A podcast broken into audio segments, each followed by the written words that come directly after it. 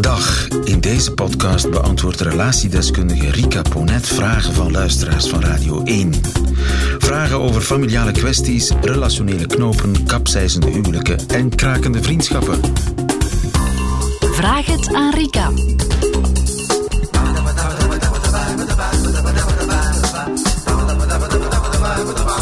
Dit gezegd zijnde hebben we een brief gekregen van Peter, die dus niet Peter heet, maar Oh, doet er niet toe. dat doet er niet toe.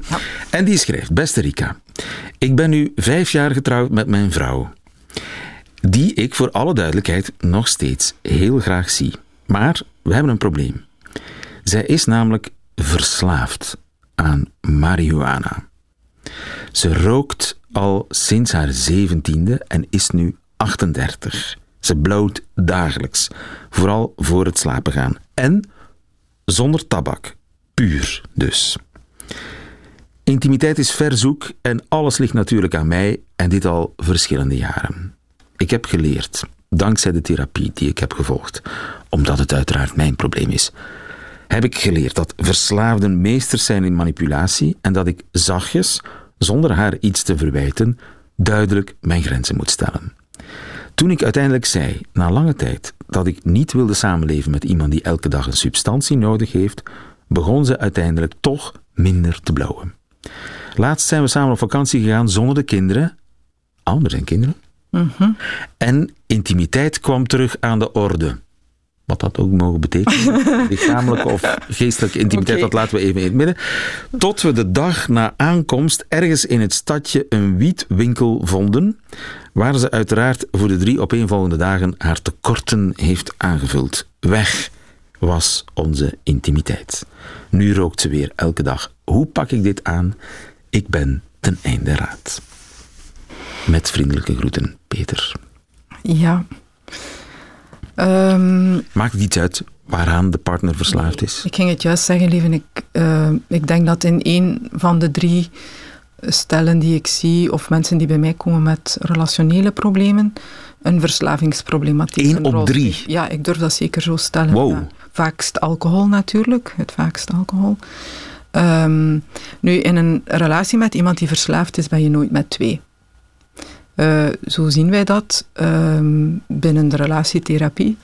Dat een, ehm, een relatie of een afhankelijkheidsrelatie, dat dat eigenlijk vergelijkbaar is met een relatie met een, een tweede persoon. Eh, Hetzelfde bijna als een, een minnaar of een minnares hebben. Dat dat even ondermijnend is, even destabiliserend is en even ehm, moeilijk is voor de partner die er eh, mee te maken krijgt. Ja. Vaak wordt het zo niet gezien, maar zo is het. Dat is eigenlijk een trio. Nu, trio's hebben de eigenschap dat ze niet lang duren. Ja, en dat dat, Ménage à en dat dat vooral veel mensen ongelukkig maakt. Ja, dat is... eh, Dus nu, eh, ehm, ver- leven in koppel met een verslaving met, van een van de beiden, dat is eigenlijk niet te doen. Dat zeg je eigenlijk. eh, dat is heel moeilijk. En dat zorgt sowieso, en dat is wat hij ook aangeeft, en ik vind dat wel dat hij dat heel mooi uitschrijft zo, of vertelt, ehm, dat zorgt er inderdaad voor dat uw intimiteit heel erg ondermijnd wordt, of erodeert, na verloop van tijd ook verdwijnt. Zowel de lichamelijke als de Echt, geestelijke. als de, ja, de, de echte laat ons intimiteit. intimiteit in zijn totaliteit, Juist, ja. nabijheid, verbondenheid, eh, dat soort Hoe die nabijheid zich ook manifesteert. Oh, oh, ja, dat is het eigenlijk. Ehm, en daar, eh, ja, ik ga dat toch uitleggen waarom dat, dat is. Dat heeft te maken met eh, intimiteit. Wij zien dat altijd als, vooral in eerste instantie, als een vorm van seksualiteit, van fysieke nabijheid. Maar dat gaat veel verder dan dat. Ehm, eh, verbondenheid komt op twee manieren tot stand. Niet alleen via de leuke dingen die we delen, maar ook via de moeilijke dingen, de stressoren in ons leven die we delen. Vooral via de stressoren die De rampen delen. die je samen hebt doorgemaakt. Ja, maar ook de dagdagelijkse kleine stressoren waarmee je naar huis komt en die je deelt met je partner, maken dat dat eigenlijk telkens weer je intimiteit, je relatie eh, versterkt. Omdat je de andere als uw eerste bron van stressregulatie ervaart. En dat is een, of als uw eerste eh, station waar je je stress gereguleerd krijgt. We beseffen dat vaak niet. Maar dat is ja, de grote waarde van een vaste uh, partnerrelatie. Ik kan alles vertellen. Ik, kan thuis mezelf zijn. Ik, kan, ik kan het hebben over die rotzak van een baas, of een collega die vervelend gedaan heeft, of gewoon het verkeer zat vandaag tegen, of ik had niet zo'n beste dag. Ik kan daarmee naar huis, ik kan het thuis vertellen. Als, als hij thuis komt, is ze high is ze hij. Ja, dus één, hij kan dat niet bij haar. Maar twee, zij doet dat vooral niet bij hem. Waardoor dat hij ook niet het gevoel krijgt van belang te zijn in die relatie. En waarom doet ze het niet bij hem? Omdat ze een andere weg heeft om haar stress te reguleren. Mensen die een verslavingsproblematiek hebben, ja, dat is een copingstrategie of een copingmechanisme. Ooit zijn ze daarmee begonnen, omdat bepaalde emoties zo overweldigend, zo destabiliserend waren, eh, dat ze eigenlijk uh, zoiets zochten. Nu, dat kan ook in extreem sporten, extreem werken, hè, want nu hebben we het over ja, um, verslavingen die sowieso ook door de maatschappij negatief worden bekeken, maar er zijn ook andere vormen van verslaving die we eerder valideren, maar die evengoed zeer relatie ondermijnend zijn. En dat ligt niet aan hem. En dat ligt niet aan hem. Dat is een mechanisme, heel duidelijk. Ze doet het al van haar 17. Bedoel, was hij er meer voor haar geweest, dan had zij misschien niet die Mario. Nee. Ik, ik, stel maar de boerenvraag. Ja, absoluut. Uh, zo werkt het niet. Want een verslaving, dat is wat een verslaving is een ziekte. We, we, omschrijven dat nog veel te weinig zo. En we beseffen ook nog altijd veel te weinig dat. En een ziekte die ehm, iedereen kan overkomen. Uh, ja, de ene is er gevoeliger voor dan de andere, dat weten we. Dat wijst hersenonderzoek ook uit. Maar uh, afhankelijk ook van je levensomstandigheden en de stress waarin dat je, um, of waaraan jij in de loop van je leven bent blootgesteld geweest, zeker in je jeugd en kindertijd, kan dat in zeer grote mate mee bepalen dat je daar gevoeliger voor bent of dat je dat effectief ontwikkelt. Maar ik bedoel, het is niet um, het, een, een tekort in de relatie die ervoor zorgt dat iemand... Niet. Nee, en je kan het ook niet hij kan er ook niet voor zorgen dat zij daarmee stopt. Zij zal dat moeten doen. Dat is eigenlijk de essentie. Zij ziet tot op vandaag niet in dat ze een probleem heeft.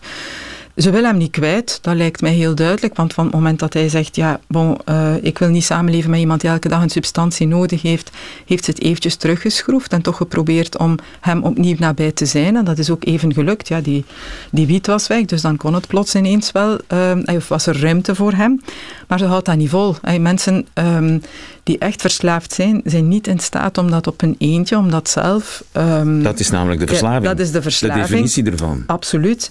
Dus zolang je niet erkent dat je een probleem hebt, dat je verslaafd bent, en je daar ook niet laat in begeleiden, lukt dat eigenlijk niet om daaruit los te komen. Krijg en is hij ook, zover?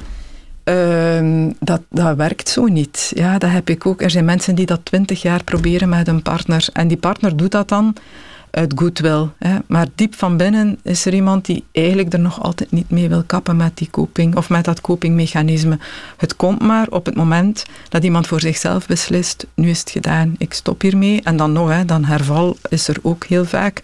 Maar um, dat is een heel belangrijk besef. Dat niet... Wat kan hij doen om haar ertoe te brengen om één, te beseffen dat ze een probleem heeft en twee, dat ze zich moet laten begeleiden? Ja, uh, kan hij daarin iets doen? Uh, ik denk dat Weggaan bijvoorbeeld? Heel belangrijk is dat hij zijn grenzen blijft stellen en duidelijk blijft aangeven wat hij daarin wenst. Um, en als er niets gebeurt, ook, uh, ja, weet je, ik zeg niet wat iemand moet doen. Hè. Um, dit is een verhaal van een partnerrelatie. Er zijn blijkbaar ook kinderen, dus er spelen veel facetten of veel factoren een rol. Uh, als dat je kind is, uh, dan uh, zou ik altijd zeggen: blijf het contact gaande houden. Blijf um, de andere, want dat is het heel vaak. Als mensen bereid zijn om eruit te gaan, is het omdat er een ander leven is. Of omdat ze een perspectief zien, omdat er een houvast is. Ook al hebben ze heel veel shit gedaan met die persoon, toch is dat vaak hetgene wat hen een houvast biedt om verder te doen. Maar in een partnerrelatie vind ik dat een heel moeilijk advies. Waarom? Het gaat ook over beter zijn leven. Ehm, in welke mate kan je van iemand verwachten dat die gedurende jaren geduld uitoefent, ondertussen uh, zelf zich heel eenzaam en alleen voelt, want dat ben je in zo'n relatie, heel eenzaam en alleen. En uh, ja, dat voor lief neemt. Ah, ik denk dat dat, uh, als er niet echt van haar kant uit signalen zijn, dat dat in de richting gaat van ik erken mijn probleem en ik wil daar echt iets aan doen, of ik ben bereid in het kader van wat wij hebben om daar iets aan te doen, of vanuit mezelf, want daar moet het eerst en vooral vandaan komen dan, uh, ja, dan vrees ik dat dit het verhaal blijft zoals het is. Dus hoe dan ook, als zij niet externe hulp gaan zoeken, gebeurt er niets. Gebeurt er niets. Ja. Eh, dat is... Dit kun je niet zelf oplossen. Nee, en dat is ook dat manipulatief. Ze beloven het heel vaak. En dat is hetgene wat men na de twintigste keer de belofte gehoord te hebben als kind van een verslaafde, als ouder van een verslaafde, als partner van een verslaafde geef je het op, stop je ermee.